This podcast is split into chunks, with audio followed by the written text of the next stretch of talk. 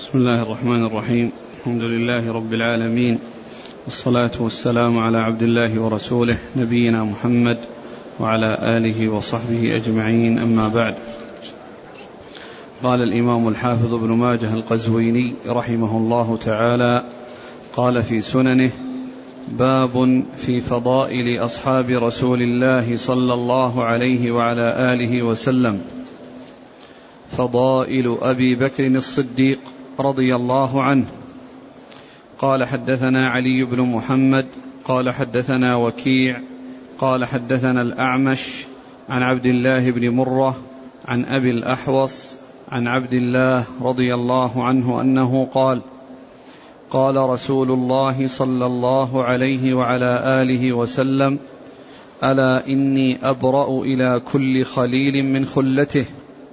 ولو كنت متخذا خليلا لاتخذت ابا بكر خليلا ان صاحبكم خليل الله قال وكيع يعني نفسه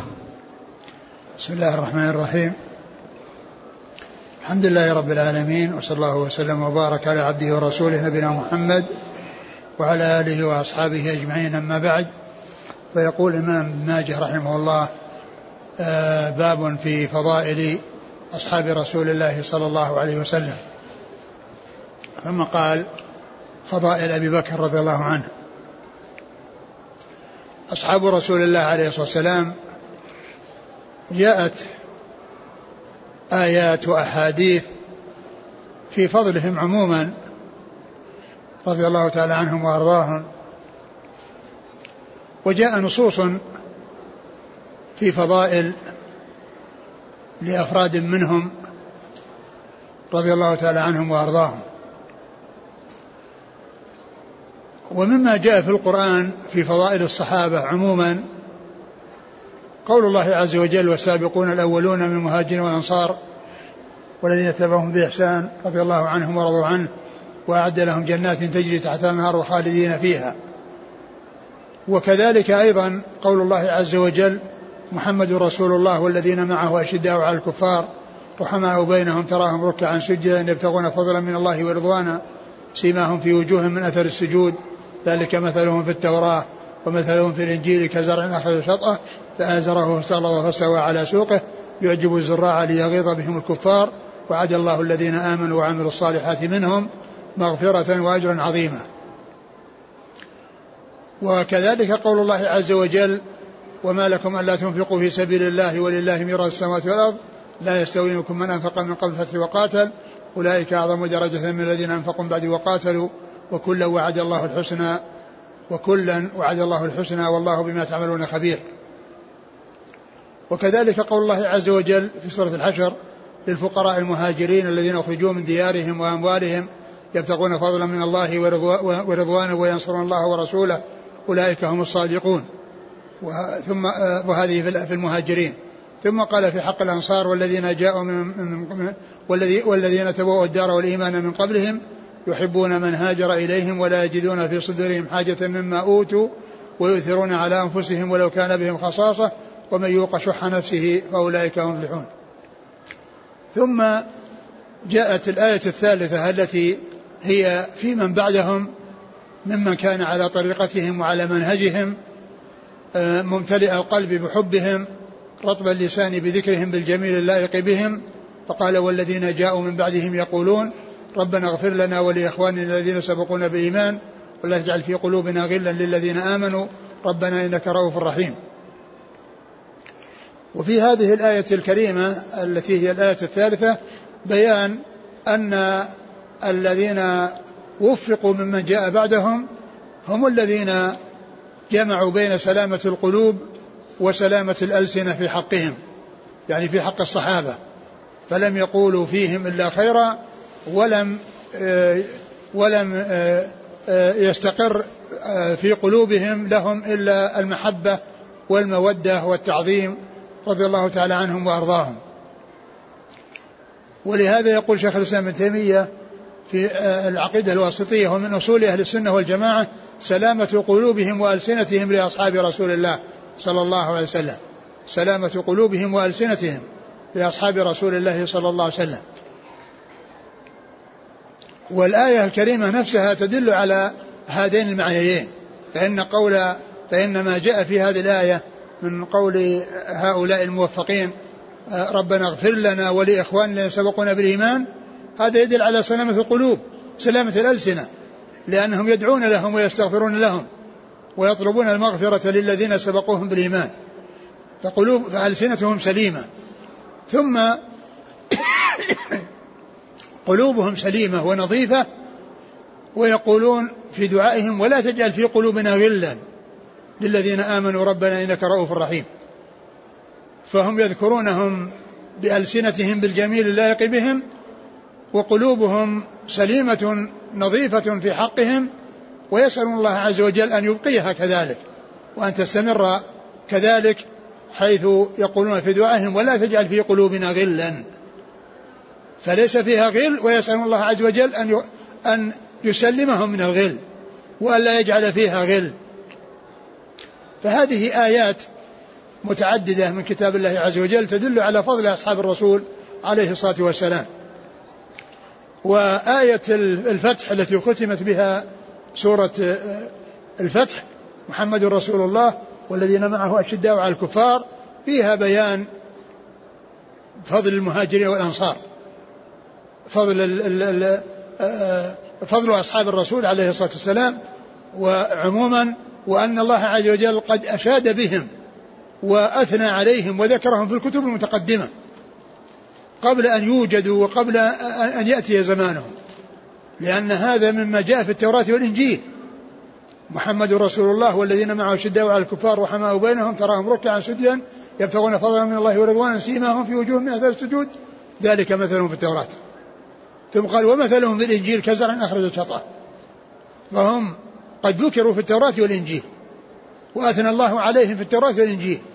والكتب السابقة فيها الثناء عليهم وأهل السنة والمسلمون يصدقون بما جاء في القرآن من ذكر أخبار عن الأمم السابقة ومن ذلك أن الصحابة ذكروا في التوراة والإنجيل وإن كان لا ذكر للصحابة في الكتب التي بأيدي اليهود والنصارى الآن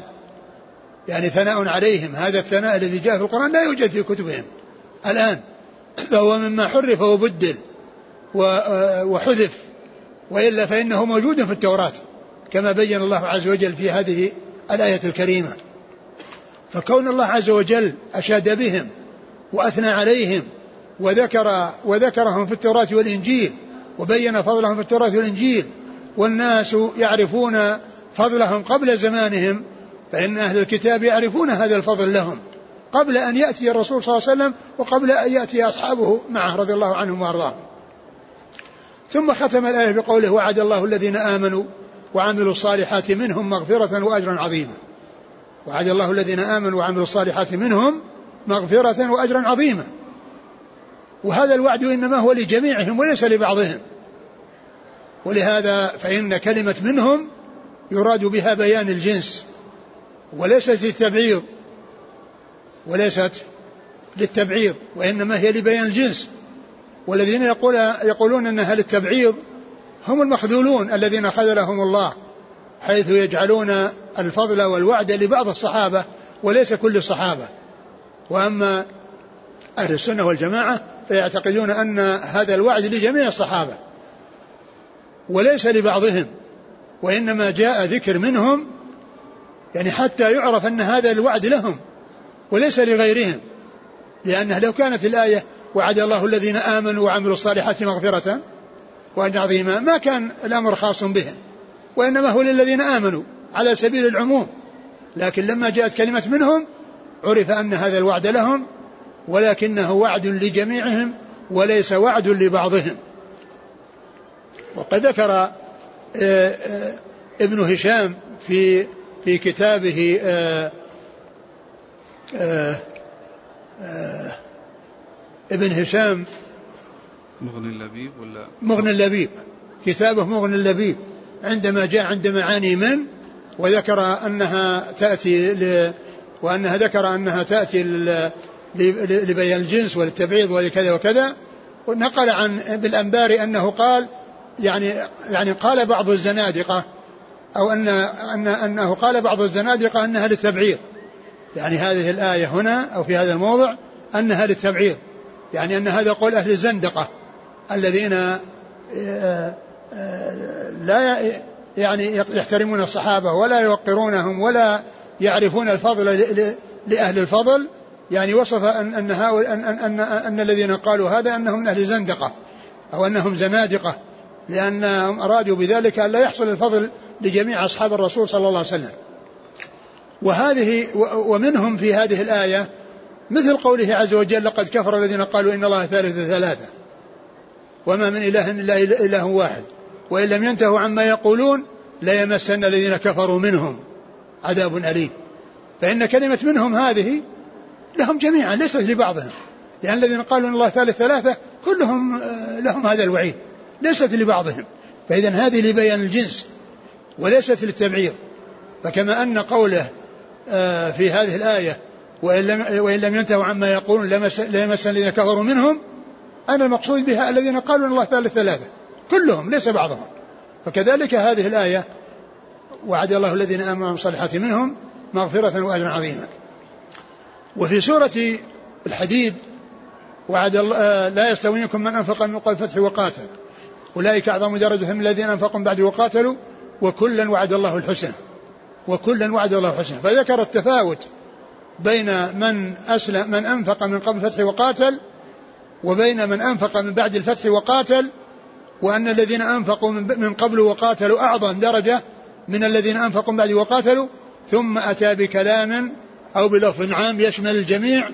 وفيه ثناء الجميع ووعد الجميع بالحسنى فقال آه، لا يستوي من انفق من قبل الفتح وقاتل اولئك هم درجهم الذين انفقوا من بعد وقاتل وقاتل ثم قال وكل وعد الله حسنى يعني اللي كانوا انفقوا من قبل الفتح وقاتلوا والذين انفقوا من بعد الفتح وقاتلوا وكلمة وكلا وعد الله الحسنى جاءت بعد الكلام السابق لبيان أن أنهم وإن تفاوتوا وكان بعضهم أفضل من بعض فإنه لا يستهان بالذين فضل عليهم لا يستهان بهم فجاءت هذه الآية لتبين يعني آه، قدر آه، عظم قدر آه، الجميع وشأن الجميع الذين انفقوا من قبل فتح وقاتلوا والذين انفقوا من بعد فتح وقاتلوا قال وكلا وعد الله الحسنى يعني حتى يعرف انهم وان تفاوتوا فانهم كلهم على خير. وهذا يعني قريبا من معنى الحديث الذي مر بنا قريبا المؤمن القوي خير واحب الى الله من الضعيف وفي كل خير. فان وفي كل خير جاءت لبيان أن كل من آه، آه، الصنفين القوي المؤمن القوي والمؤمن الضعيف أنهم كلهم في خير وأنهم على خير لأنهم مشتركون في الإيمان وإن تفاوتوا في قوة الإيمان وعدم قوة الإيمان فإن كلمة وفي كل خير احتراس حتى لا يستهان بالمفضل عليه ومثل ذلك ما قاله الله عز وجل عن داود وسليمان قال آه وقال وكنا لحكمهم شاهدين ففهمناها سليمان وكلا آتينا حكما وعلما لما ذكر التفهيم لسليمان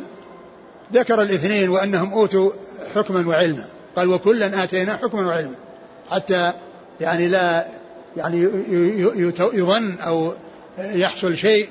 في النفوس بالنسبة لمن لم يحصل له الفضل ولم يعطى الفهم وأنهم وإن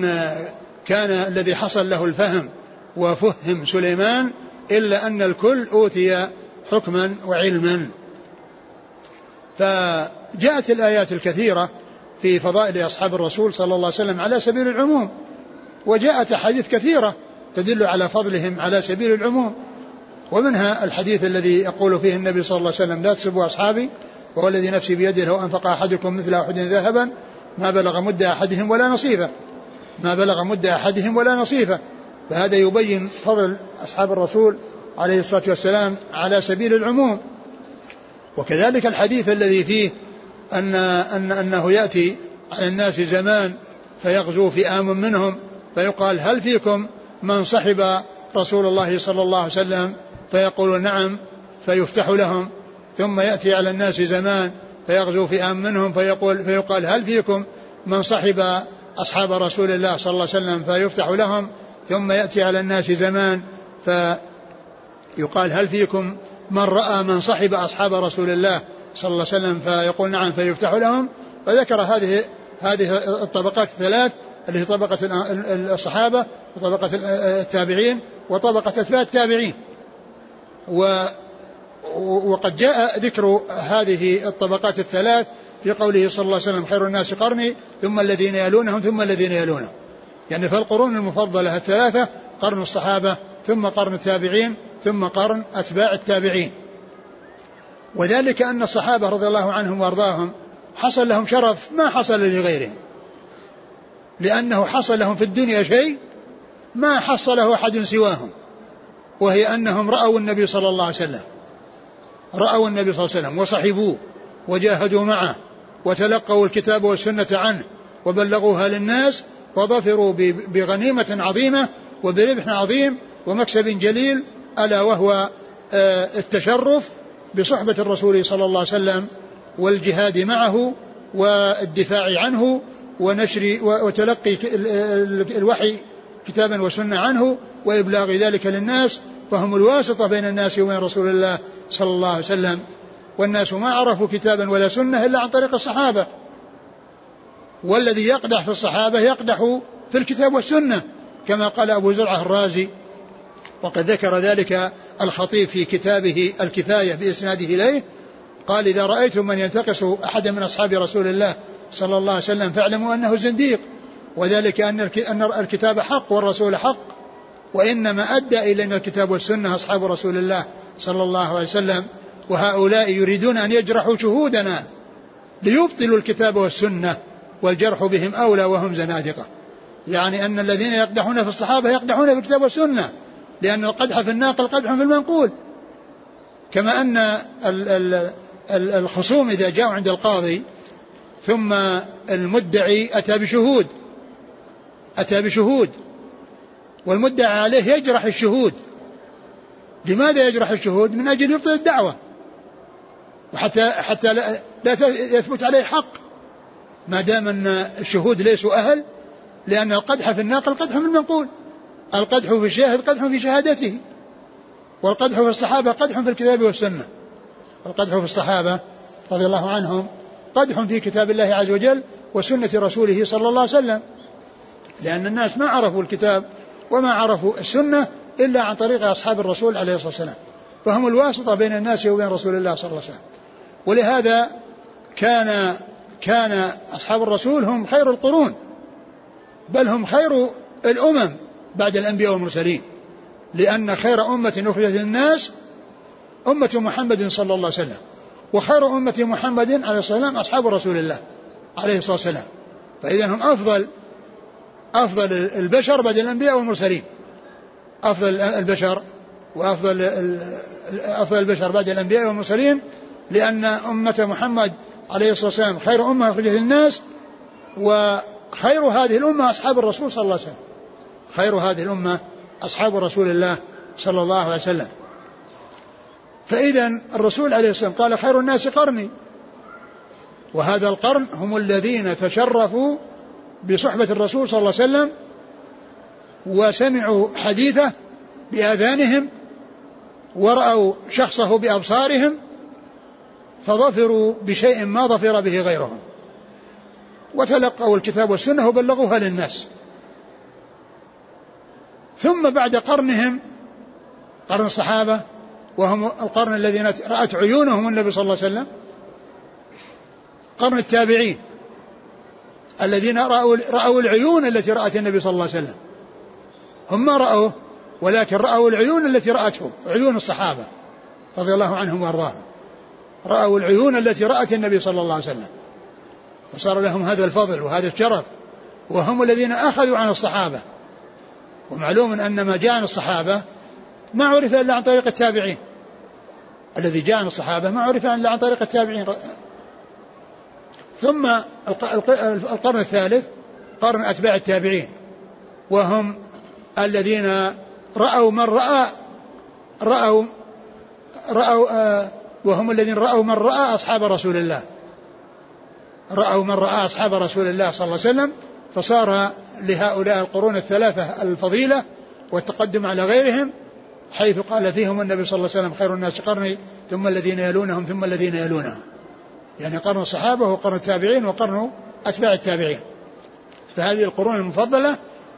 للقرن الأول وهو خيرها الذي كان في زمنه صلى الله عليه وسلم ثم الذي جاء بعد الصحابة ثم الذي جاء بعد آه، آه، التابعين الذين آه، لقوا الصحابة ورأوا الصحابة ونقلوا عن الصحابة وتحملوا الكتاب والسنة عن أصحاب رسول الله صلى الله عليه وسلم فإذا أصحاب رسول الله صلى الله عليه وسلم لهم فضل خاص ولهم ميزة خاصة وذلك أن الله تعالى آه، شرفهم بأن أوجدهم في زمان الرسول صلى الله عليه وسلم فتشرفوا بصحبته وجاهدوا معه ونصروا الدين وتلقوا آه، الكتاب والسنة وبلغوها للناس فصار لهم فضيلة ولهم ميزة ما حصلت لغيرهم ولم يصل إلى الناس هدى ولا حق إلا عن طريق أصحاب رسول الله صلى الله عليه وسلم ورضي الله تعالى عن الصحابة أجمعين ثم إن لكل أو إن, إن هناك فضائل لأفراد من الصحابة وأيضا مجموعات من الصحابة يعني أفراد فضائل لمجموعات وفضائل لأفراد ومما وراء مما جاء في فضائل الافراد ما صدر به ابن ماجه آه، المباحث التي تحت هذا الباب الذي هو باب فضل الصحابه عموما فانه ذكر اولا فضل ابي بكر رضي الله عنه فضائل ابي بكر رضي الله عنه وذكر هذا الحديث الاول في فضل ابي بكر رضي الله عنه وهو النبي صلى الله عليه وسلم قال اني ابرا الى الله من من كل خليل من خلته ولو كنت متخذا خليلا لاتخذت أبا بكر خليلا ولكن صاحبكم خليل الله قال وكيع يعني نفسه يعني كلمة صاحبكم يعني بقول يعني يعني النبي صلى الله عليه وسلم بقوله صاحبكم يعني نفسه كما قال الله عز وجل ما ضل صاحبكم وما غوى ما ضل صاحبكم وما غوى يعني رسول الله صلى الله عليه وسلم النبي صلى الله عليه وسلم قال عن نفسه آه، صاحب صاحبكم يعني أن, أن, أن هذا هو الذي ولا في قوله ولا قال وكيع أن قول النبي صلى الله عليه وسلم أه، ولكن صاحبكم خير الله يعني نفسه يعني يعني يريد آه، بصاحبهم رسول الله صلى الله عليه وسلم وقد قال الله عز وجل فيه وما ضل صاحبكم وما غوى والمراد والمراد بذلك رسول الله صلوات الله وسلامه وبركاته عليه والخلة هي نهاية المحبة وأكمل شيء في المحبة لأن المحبة عامة والخلة خاصة والخلة ما جاء ذكر ذكرها مضافة لأحد إلا لإبراهيم ولمحمد صلى الله عليه وسلم جاءت لإبراهيم كما جاء في القرآن اتخذ الله إبراهيم خليلا وكذلك قلنا اتخذ اتخذني خليلا كما اتخذ إبراهيم خليلا وفي حق الرسول صلى الله عليه وسلم في قوله إني أبرأ إلى الله من كل خليل من خلته وقال ولكن صاحبكم خليل الله فالخلة ثابتة لرسول الله صلى الله عليه وسلم آه، ولإبراهيم عليه الصلاة والسلام وأما المحبة فهي عامة ولهذا وصف الله تعالى عز وجل أنه يحب التوابين ويحب المتطهرين ويعني آه، آه، جاء في آيات كثيرة ذكر محبته سبحانه وتعالى لجماعات آه، ولأفراد يعني آه، جاء في آه، النصوص ذكر المحبة وحصولها لفئات من الناس لكن الخلة ما حصلت إلا لإبراهيم ومحمد عليهما الصلاة والسلام وهي نهاية المحبة وقد قال عليه الصلاة والسلام في هذا الحديث ولو كنت متخذا خليلا ولو كنت متخذا خليلا لاتخذت ابا بكر خليلا فهو صلى الله عليه وسلم لم يتخذ خليلا من من من, من, من امته ولو كان متخذا لكان المتخذ ابا بكر فاخبر عن امر لا يكون ان لو كان كيف يكون اخبر عن امر لا يكون وهو انه يتخذ خليل ان لو كان متخذا خليلا لكان المتخذ ابا بكر وهذا يدل على عظم الفضيلة لأبي بكر رضي الله عنه ولهذا النبي صلى الله عليه وسلم تحدث أو حدث بهذا في أواخر أيامه وكان في ذلك إشارة إلى أنه الأولى بالأمر من بعده كما جاء في صحيح مسلم عن جرير بن عبد الله البجل عن جندب بن عبد الله البجلي رضي الله عنه قال سمعت رسول الله صلى الله عليه وسلم قبل أن يموت بخمس بخمس ليالي فقط لأن الرسول صلى الله عليه وسلم توفي يوم الاثنين وهو قال هذا الخميس أو الأربعاء الذي قبل وفاته صلى الله عليه وسلم قال سمعت رسول الله صلى الله عليه وسلم قبل أن يموت بخمس يقول إني أبرأ إلى الله أن يكون لي منكم خليل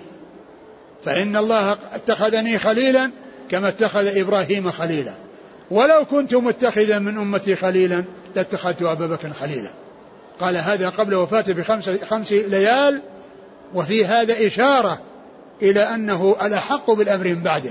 وأنه الأولى من بعده لأنه قال ذلك في مرض موته وفيه بيان هذه الخصلة العظيمة والفضيلة العظيمة لأبي بكر رضي الله عنه وهو أن أن الرسول صلى الله عليه وسلم لو كان متخذا لاتخذه أمر لا يكون لو كان كيف يكون لو كنت متخذا لاتخذت وهو لم يتخذ ولن يتخذ لأن لأن الله جعله خليلا واتخذه خليلا فلا يكون يكون له خليل من البشر وأما ما جاء في حديث أبي هريرة رضي الله عنه في قوله رضي الله عنه أوصاني خليلي صلى الله عليه وسلم بثلاث ركعتي الضحى وصيام ثلاثة أيام من كل شهر وأن أوتر قبل أن أنام فلا يعارض هذا الحديث لأن هذا إخبار من أبي, من أبي هريرة من جانبه وأن محبة الرسول صلى الله عليه وسلم تمكنت من قلبه ووصفه بأنه خليله لكن ما في أن الرسول خليله والمنفي أن يكون الرسول خليل لأحد لا أن يكون غير الرسول يقول انه خليل الرسول فهذا هذا الذي جاء في في حديث ابي هريره في قوله اوصاني خليلي هذا اخبار من ابي هريره لما وقع في قلبه للرسول صلى الله عليه وسلم وليس إخبارا عما وقع في قلب الرسول صلى الله عليه وسلم له الذي وقع في قلب الرسول صلى الله عليه وسلم الله تعالى اتخذه خليلا فلا يتخذ خليلا من البشر ولو كان متخذا خليلا اتخذ أبو بكر فإذا قول أبي هريرة أوصاني خليلي ليس فيه أن الرسول صلى الله عليه وسلم له خليل من البشر لأن الرسول أخبر بأنه لا يكون ولو كان متخذا لكان أبو بكر ولكن هذا إخبار من أبي هريرة من تمكن محبة الرسول صلى الله عليه وسلم في قلبه حيث وصفه بأنه خليله وقال إن الرسول أوصاني خليلي صلى الله عليه وسلم بثلاث وجاء مثله في حديث أبي الدرداء في صحيح مسلم قال أوصاني حبيبي صلى الله عليه وسلم بثلاث ركعتي الضحى وصيام ثلاثة أيام من كل شهر وأن أوتر قبل أن أرقد وأن أوتر قبل أن أرقد هذه الوصايا الثلاث كلها جاءت في حديث أبي هريرة وحديث أبي الدرداء و آه، آه، آه، حديث ابي هريره متفق عليه وحديث ابي الدرداء من افراد من افراد مسلم. فالحديث من اوضح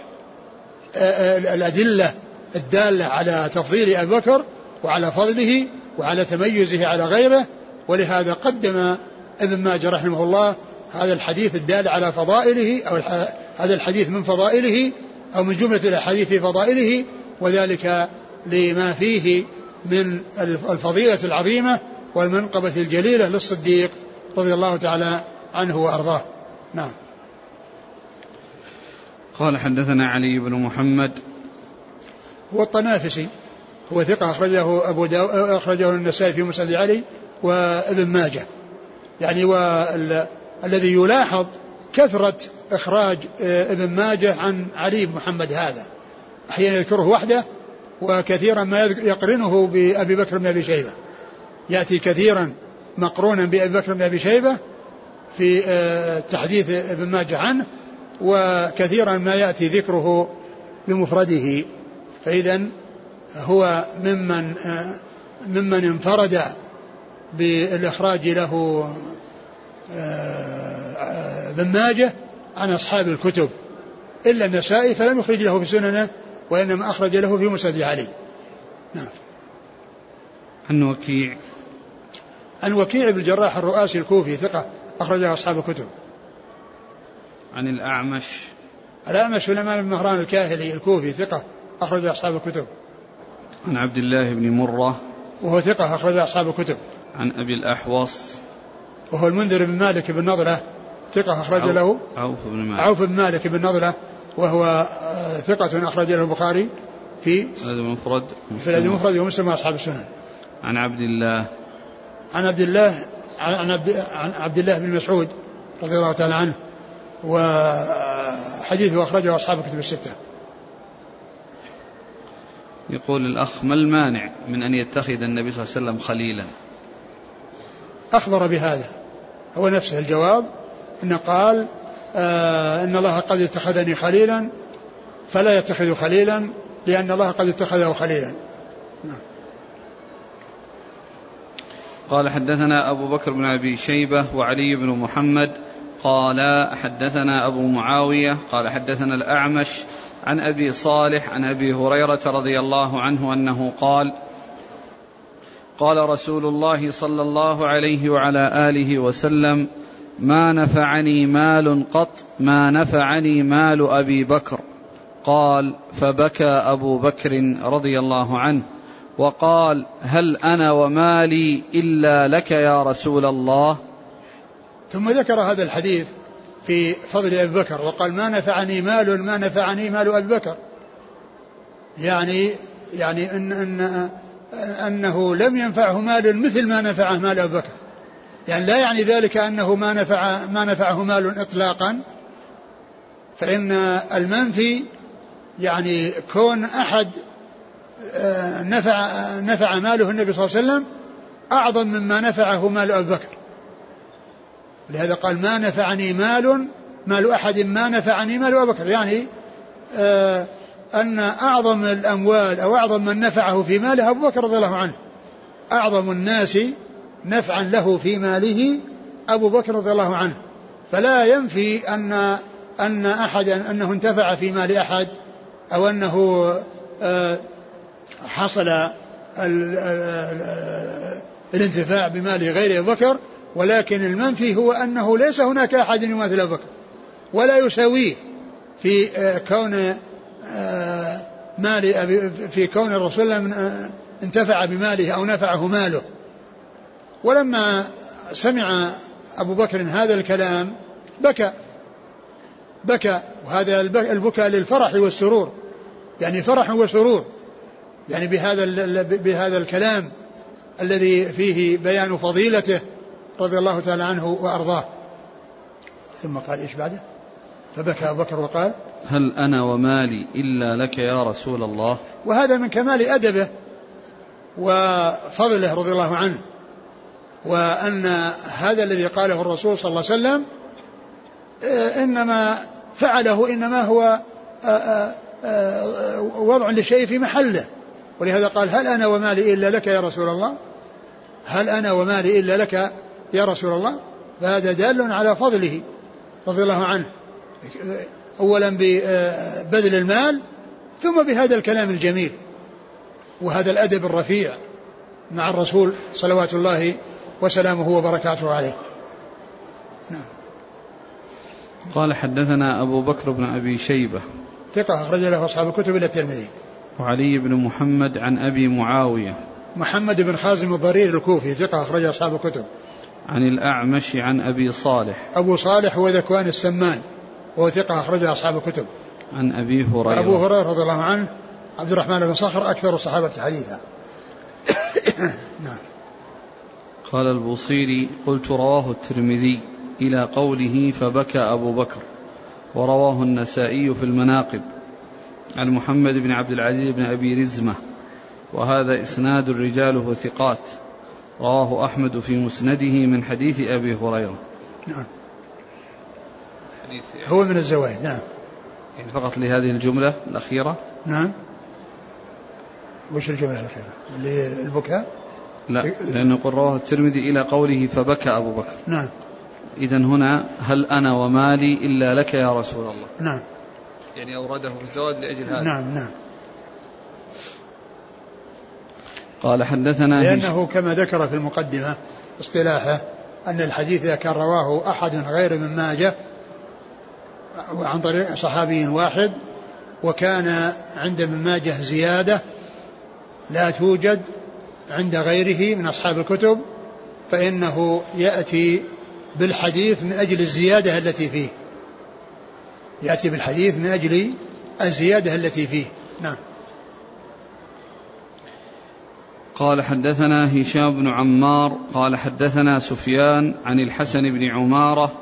عن فراس عن الشعبي عن الحارث عن علي رضي الله عنه أنه قال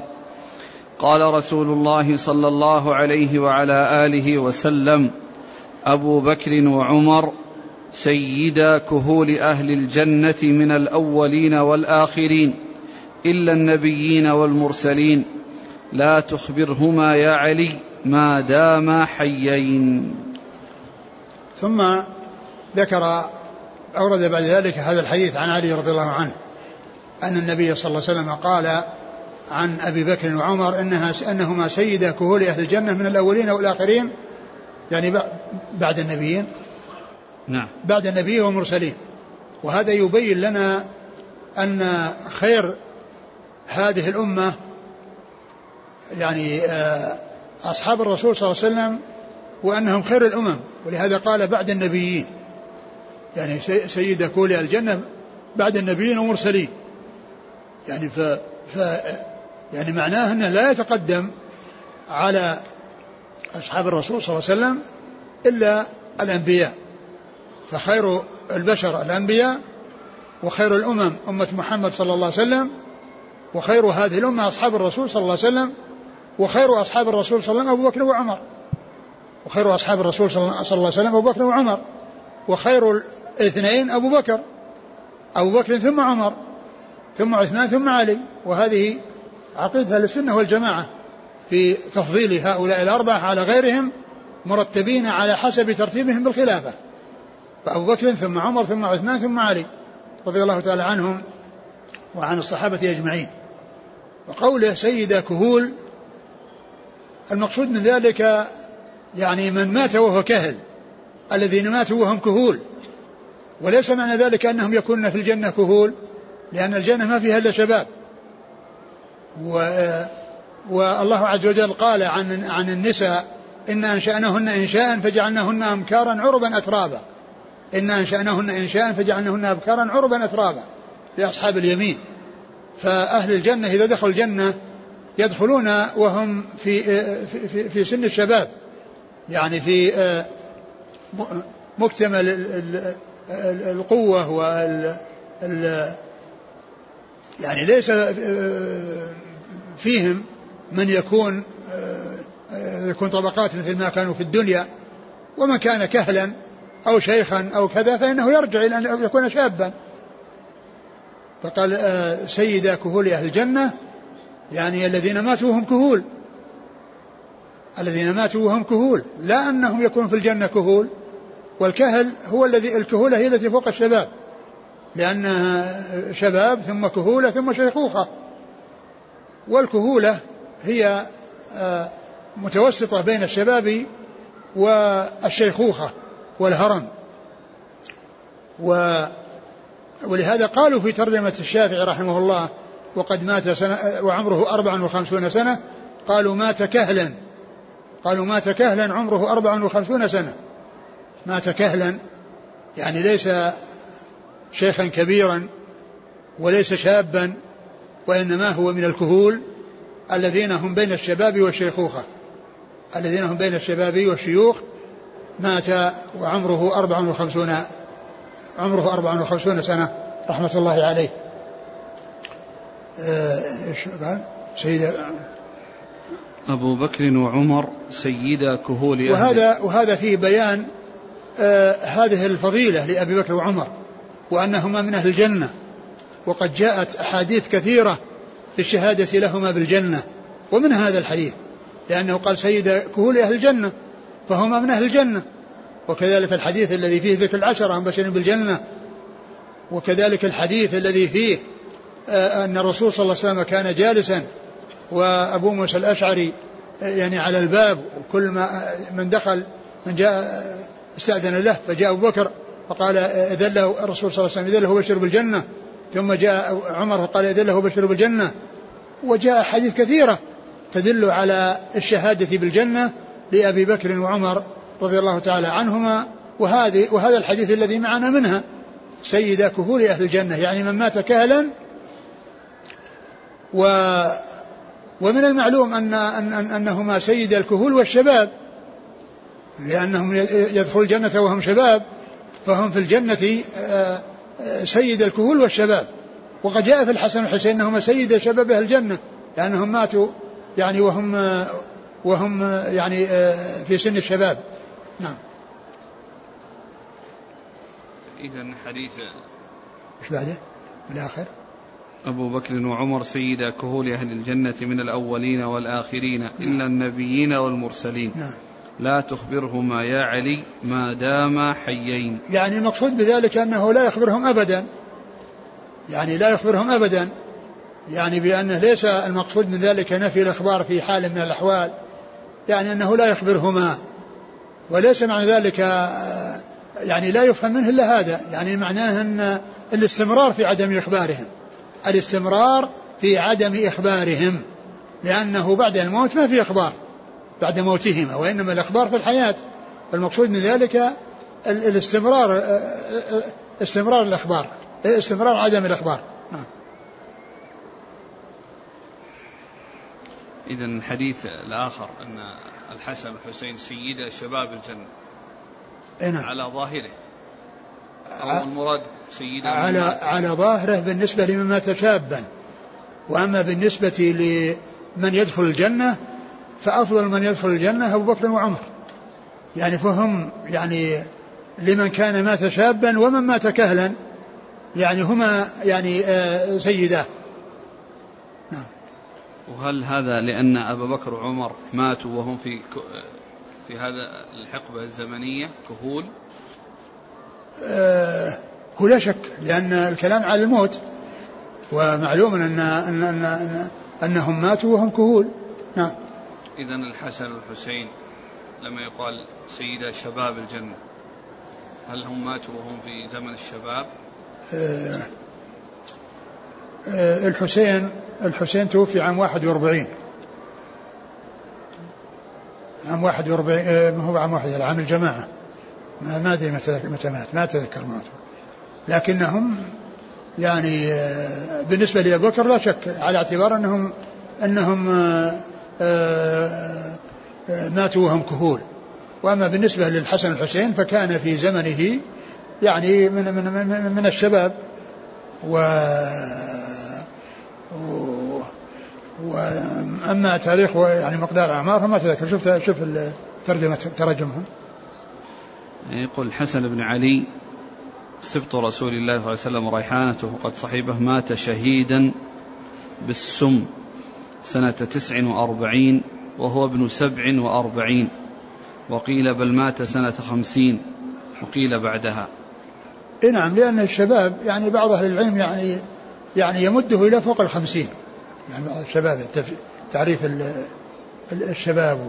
يعني تعريف الشباب والكهولة والتضمير يعني فيه في عندهم يعني كلام في آه، مقداره نعم وفي اختلاف في ذكره نعم والحسين يعني عمره 47 لما توفي نعم استشهد يوم عاشوراء سنة 61 وله 56 نعم. سنة 56 يعني معناها أكبر من الشافعي لما مات الشافعي عمره 54 وقالوا مات كهلا وهذا عمره 56 يعني فيكون الرسول صلى الله عليه وسلم قاله على اعتبار أنهم يعني آه، في ذلك الوقت شباب وأما بالنسبة لأبو بكر وعمر فكان قريبا منه في السن لأن الرسول صلى الله عليه وسلم توفي وعمره 63 سنة وذاك اللي هو أبو بكر مات بعده بسنتين وعمره 63 سنة الفرق بينهم سنتين الرسول صلى الله عليه وسلم أكبر من ابو بكر بسنتين لكن عمر مات يعني آه، بعد ذلك بعد ابو بكر بعشر سنوات وزيادة لكن هذا يرجع إلى الاختلاف في الكهولة والشباب ثم أيضا يعني يمكن المقصود من ذلك أنهم في زمانه وأخبر أنهم من الشباب وأنهم سيدة شباب الجنة وأولئك يعني سيدة كهلاء الجنة وهم يعني كانوا كبارا في زمانه صلى الله عليه وسلم لأن أسنانهم قريبة من سنه عليه الصلاة والسلام لكن بالنسبة للكهول يعني آه، آه، يقال انه من مات كهلا انهم الذين ماتوا كهلا لأنه لا يقال أنهم يدخلون في الجنة كهول يسيرون في الجنة كهول وإنما ليكون في الجنة شاب لا يكون فيها كهول نعم قال حدثنا هشام بن عمار هشام بن عمار صدوق أخرجه البخاري وأصحاب السنة عن سفيان سفيان بن عيينة ثقة أخرج أصحاب الكتب عن الحسن بن عمارة وهو متروك أخرج له الترمذي وابن ماجه نعم عن فراس فراس بن حمدان فراس بن يحيى بن يحيى صدوق ربما وهم قد روى أصحاب الكتب نعم عن الشعبي عامر بن شرحيل الشعبي ثقة أخرج أصحاب الكتب عن الحارث الحارث الأعور هو في حديثه ضعف أخرج نعم. أصحاب السنن نعم عن علي عن علي رضي الله عنه أمير المؤمنين ورابع الخلفاء الراشدين آه، رضي الله عنه وأرضاه والحديث آه، في إسناد هذا المتروك وهذا الضعيف ولكن آه, آه، له آه، آه، ما ادري متعارض ولا شواهد يعني شوف حال الشيخ على الصحيحة 824 آه. بس لا بس فيه شو اسمه في في, في الشرح ما ذكر شيء في متابعة ما ادري الحديث صحيح اما لمتابعة ولا لشواهد نعم الحارث الأعور أظن أظن معها جاء عن طريق أظن آه، أظن عطاء بن يسار أو كذا يعني روى يعني أقول آه، روى عن علي نعم يقول المهم نعم السندي يقول وفي سنده الأعور الحارث وهو وإن كان ضعيفا فالحديث قد جاء بوجوه متعددة عن علي وغيره نعم. ذكره الترمذي نعم. وقد حسنه من بعض الوجوه نعم.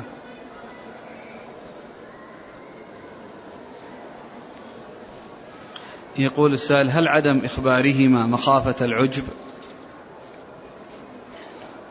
يمكن أقول يمكن لكن الرسول صلى الله عليه وسلم يعني كما هو معلوم يعني أخبرهما قال أو أخبر غيرهما فقال أبو بكر في الجنة وعمر في الجنة وعدنان في الجنة وكذا لكن الكلام هنا السيادة الذي في الحديث هنا السيادة والإخبار في الجنة بأن جاء في حديث كثيرة الشهادة لهما بالجنة يمكن أن يكون لهذا السبب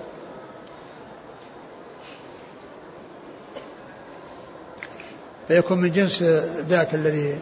قال لا تبشرهم فيتكلوا نعم قال حدثنا علي بن محمد وعمر بن عبد الله قال حدثنا وكيع قال حدثنا الأعمش عن عطية بن سعد عن أبي سعيد الخدري رضي الله عنه أنه قال قال رسول الله صلى الله عليه وعلى آله وسلم إن أهل الدرجات العلى يراهم من أسفل منهم كما يرى الكوكب الطالع في الأفق من آفاق السماء وإن أبا بكر وعمر منهم وأنعما ثم ذكر هذه الفضيلة لأبي بكر وعمر رضي الله تعالى عنهما وأن أهل الجنة من كان منهم في درجات نازلة فإنهم يرون من فوقهم كما يتراءى الناس الكواكب في السماء يعني العلو منازلهم ومعلوم أن الجنة درجات الناس في الجنة درجات بعضهم فوق بعض ولهذا جاء في القرآن والذين آمنوا واتبعتهم ذريتهم بإيمان ألحقنا بهم ذريتهم وما ألتناهم من عملهم من شيء معناه أنه أكرم الأبناء برفعهم إلى درجة الآباء حتى يكمل سرورهم بهم ويحصل الفرح بهم فهم متفاوتون في الدرجات وأن أصحاب الدرجة يعني يرون الدرجة التي فوقهم كما يتراءى الناس الكواكب في السماء يعني بينها مسافات وإن أبا بكر وعمر منهما وأنعما يعني آه، منهما منهم يعني من هؤلاء الذين هم في الدرجات العالية التي يعني يتراءى الناس يعني من فوقهم وأنعما يعني وهم أهل لذلك وقد حصل لهم الإكرام بذلك نعم قال حدثنا علي بن محمد وعمر بن عبد الله هو ثقة أخرجه ابن ماجه نعم. عن وكيع عن الأعمش عن عطية بن سعد وهو صدوق يخطئ كثيرا أخرج البخاري في المفرد وأبو داود والترمذي وابن ماجه وهذا له متابع لعل هذا اللي متابعه هو عطاء عطاء بن يسار اللي ذكرت شوف ذكر فيه شيء في الشرح؟ لا عن أبي سعيد الخدري نعم أبو سعيد عن عن أبي سعيد الخدري عطية أيوه عن أبي سعيد نعم ذكر يعني لا ما أحد تابعه ولا شيء أو أحد يعني أشار الشارح إلى هذا ما نعم. على كل له متابع له متابع يعني في هذا نعم ترجمة عن أبي سعيد الخدري أبو سعيد الخدري سعد بن مالك سعد بن مالك بن سنان وهو أحد السبع المكثرين من حديث الرسول صلى الله عليه وسلم قال حدثنا علي بن محمد قال حدثنا وكيع حا قال وحدثنا محمد بن بشار قال حدثنا مؤمل قال حدثنا سفيان عن عبد الملك بن عمير عن مولى لربعي بن حراش عن ربعي بن حراش عن حذيفة بن اليمان رضي الله عنهما أنه قال قال رسول الله صلى الله عليه وعلى اله وسلم اني لا ادري ما قدر بقائي فيكم فاقتدوا بالذين من بعدي واشار الى ابي بكر وعمر رضي الله عنهما ثم ذكر هذه الفضيله لابي بكر وعمر والامر بالاقتداء بهما وقال انهما من بعدي وفيه الاشاره الى خلافتهما رضي الله عنهما خلافة أبي بكر ثم خلافة عمر وقد قال صلى الله عليه وسلم في هذا الحديث أن لا أدري ما بقائي فيكم يعني ما يدري مقدار بقائه فيهم ولكنه أراد أن يوصيهم بأن يقتدوا بالذين من بعده إذا جاءه الأجل وفيه إشارة إلى ولايتهما من بعده وقيامهما بالأمر من بعده وأن الناس يقتدون بهم وأنهم أئمة هدى رضي الله تعالى عنهم وأرضاهم قال إني لا أدري ما ما قدر بقائي فيكم نعم فاقتدوا, فاقتدوا بالذين من بعدي وأشار إلى أبي بكر وعمر نعم قال حدثنا يعني الحديث فيه إشارة إلى خلافة الاثنين إلى خلافة أبي بكر ثم إلى خلافة عمر نعم هل فيه يعني الأخذ بأقوالهم وآرائهم فإذا سارت المسألة وكذلك يعني يعني الأخذ بآرائهم وأقوالهم إذا كان يعني آه، إذا كان لهم أقوال يعني ولم وكان يعني آه، ليس هناك نصوص يعني تدل على على خلاف ما قالوه فإن أقوالهم آه، إذا جاء عنهم أقوال يعني وكذلك الصحابة إذا لم يوجد لهم مخالف فإنه يؤخذ بأقوالهم وأما إذا كان الدليل يعني مع غيرهم يعني ممن هو دونهم أو وجد الدليل ومعلوم أن أن الصحابة يجتهدون وكل يعني يعمل على حسب ما يبلغ وقد يبلغ الحديث المفضول ولا يبلغ الفاضل قد يكون الحديث عند المفضول ولا يكون عند الفاضل نعم قال حدثنا علي بن محمد عن وكيع قال حا وحدثنا محمد بن بشار محمد بن بشار الملقب من نار ثقة أخرجها أصحاب الكتب عن مؤمل وهو مؤمل بن إسماعيل نعم. صدوق سيء الحفظ نعم. رجل البخاري تعليقا وأبو داود في القدر والترمذي والنسائي وابن ماجه عن سفيان سفيان الثوري ثقة أخرج أصحاب الكتب عن عبد الملك بن عمير وهو ثقة أخرج له أصحاب الكتب نعم عن مولى لربعي بن حراش وهذا هذا مجهول مقبول نعم قال عن مقبول مقبول نعم لكن له له متابع يعني لم ينفرد بالرواية ولكن له متابع فيكون الحديث صحيحا نعم الترمذي وابن ماجه نعم. سماه هلال بلال هلال نعم هلال نعم, نعم. عن ربعي بن حراش ثقة أخرج أصحاب الكتب عن حذيفة بن اليمان رضي الله عنهما أخرج أصحاب الكتب قال حدثنا علي بن محمد قال حدثنا يحيى بن آدم قال حدثنا ابن المبارك عن عمر بن سعيد بن أبي حسين عن ابن أبي مليكة قال سمعت ابن عباس رضي الله عنهما يقول لما وضع عمر رضي الله عنه على سريره اكتنفه الناس يدعون ويصلون أو قال يثنون ويصلون عليه قبل أن يرفع وأنا فيهم فلم يرعني إلا رجل قد زحمني وأخذ بمنكبي فالتفت فإذا هو علي بن أبي طالب رضي الله عنه فترحم على عمر ثم قال ما خلفت أحدا أحب إلي أن ألقى ما خلفت ما خلفت يعني يخاطب عمر ما خلفت احدا احب الي ان القى الله بمثل عمله منك وايم الله ان كنت لاظن ليجعلنك الله عز وجل مع صاحبيك وذلك اني كنت اكثر ان اسمع رسول الله صلى الله عليه وسلم يقول ذهبت انا وابو بكر وعمر ودخلت انا وابو بكر وعمر وخرجت انا وابو بكر وعمر فكنت أظن ليجعلنك الله مع صاحبيك ثم ذكر هذا الحديث عن عن, ابي عباس رضي الله عنهما وان عمر رضي الله عنه لما توفي ووضع على سريره واكتنفه الناس يعني احاطوا به يثنون ويصلون يعني يدعون له ويترحمون عليه رضي الله تعالى عنه وارضاه قال فلم يرعني الا رجل زحمني ووضع يده على منكبي فالتفت فإذا علي رضي الله تعالى عنه قال ما خلفت أحدا أحب أن ألقى الله بمثل عمله منك و... و... وأرجو وإن كنت وأيم الله أيوة وعلم ما الله. خلفت أحدا أحب إلي أن ألقى الله بمثل عمله منك نعم. وأيم الله إن كنت لأظن ليجعلنك الله عز وجل مع صاحبيك وإن كنت أظن أن يجعلك الله مع صاحبيك يعني رسول الله صلى الله عليه وسلم وأبو بكر الذي اللذين سبقاه وهو الخليفة الثالث وهو الخليفة الثاني بعد أبي بكر رضي الله عنه فالمراد بالصاحبين رسول الله صلى الله عليه وسلم وأبو بكر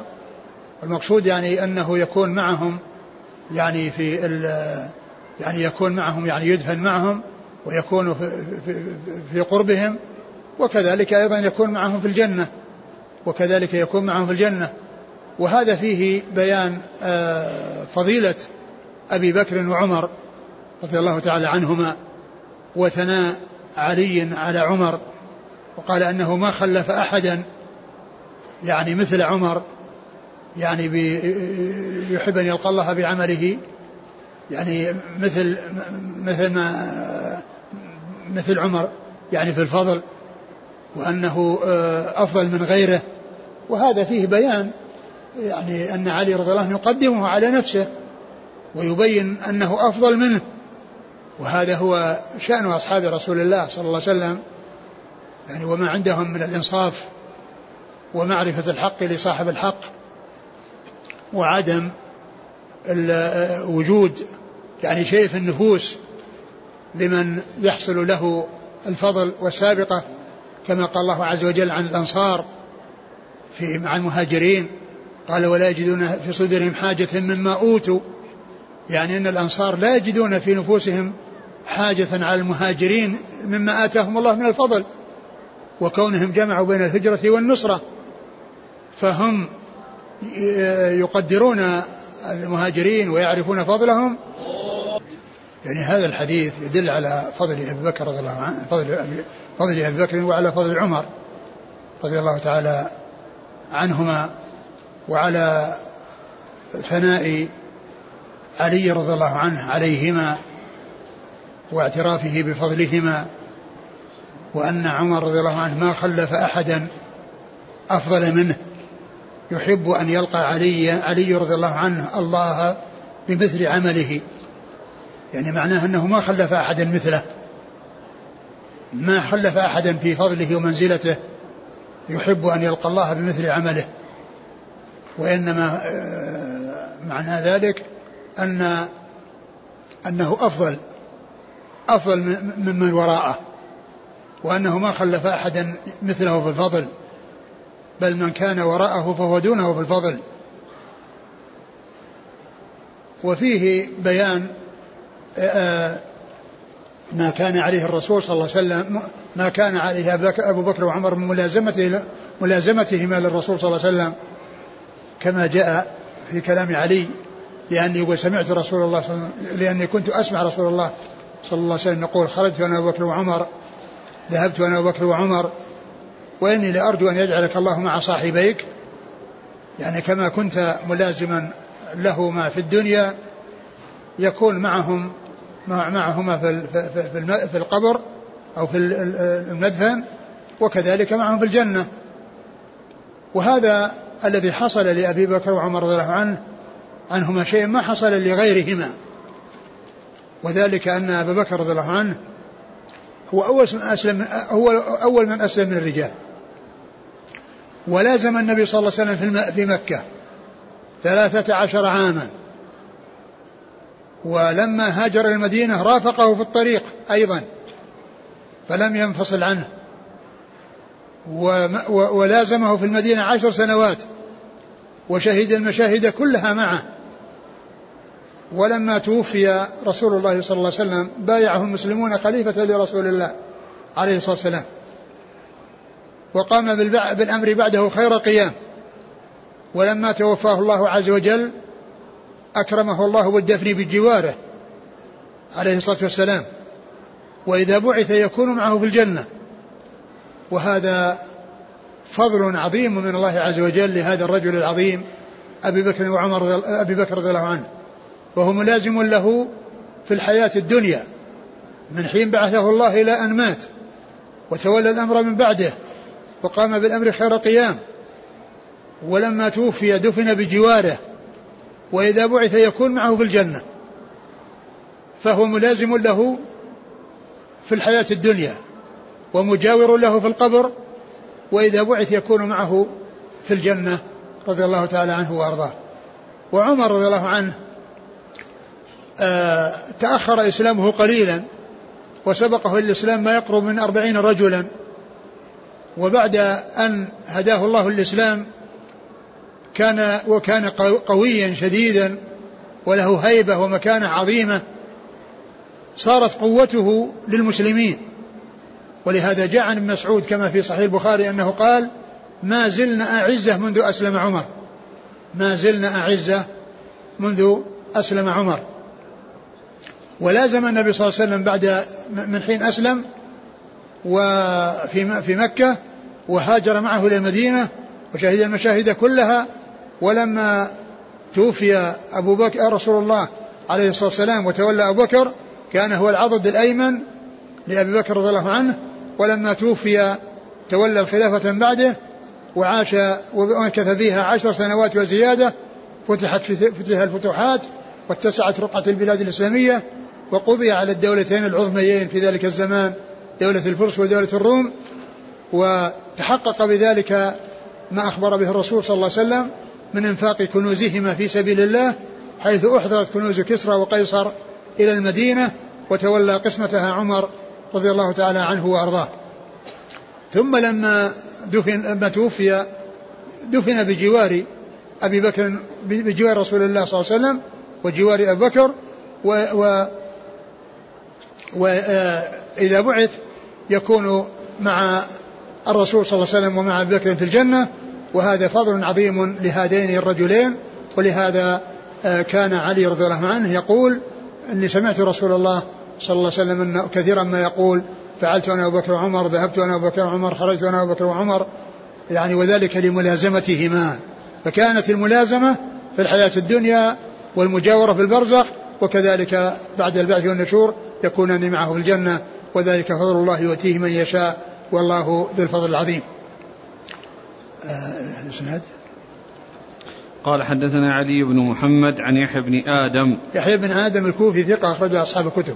عن ابن المبارك عبد الله بن المبارك المروزي ثقه اخرج اصحاب الكتب عن عمر بن سعيد بن ابي حسين وهو ثقة أخرج له أصحاب الكتب إلا أبا داود ففي المراسيل نعم عن ابن أبي مليكة وهو ثقة أخرج أصحاب الكتب عن ابن عباس عن ابن عباس عبد الله بن عباس رضي الله عنهما أحد العبادلة الأربعة واحد السبعة المكثرين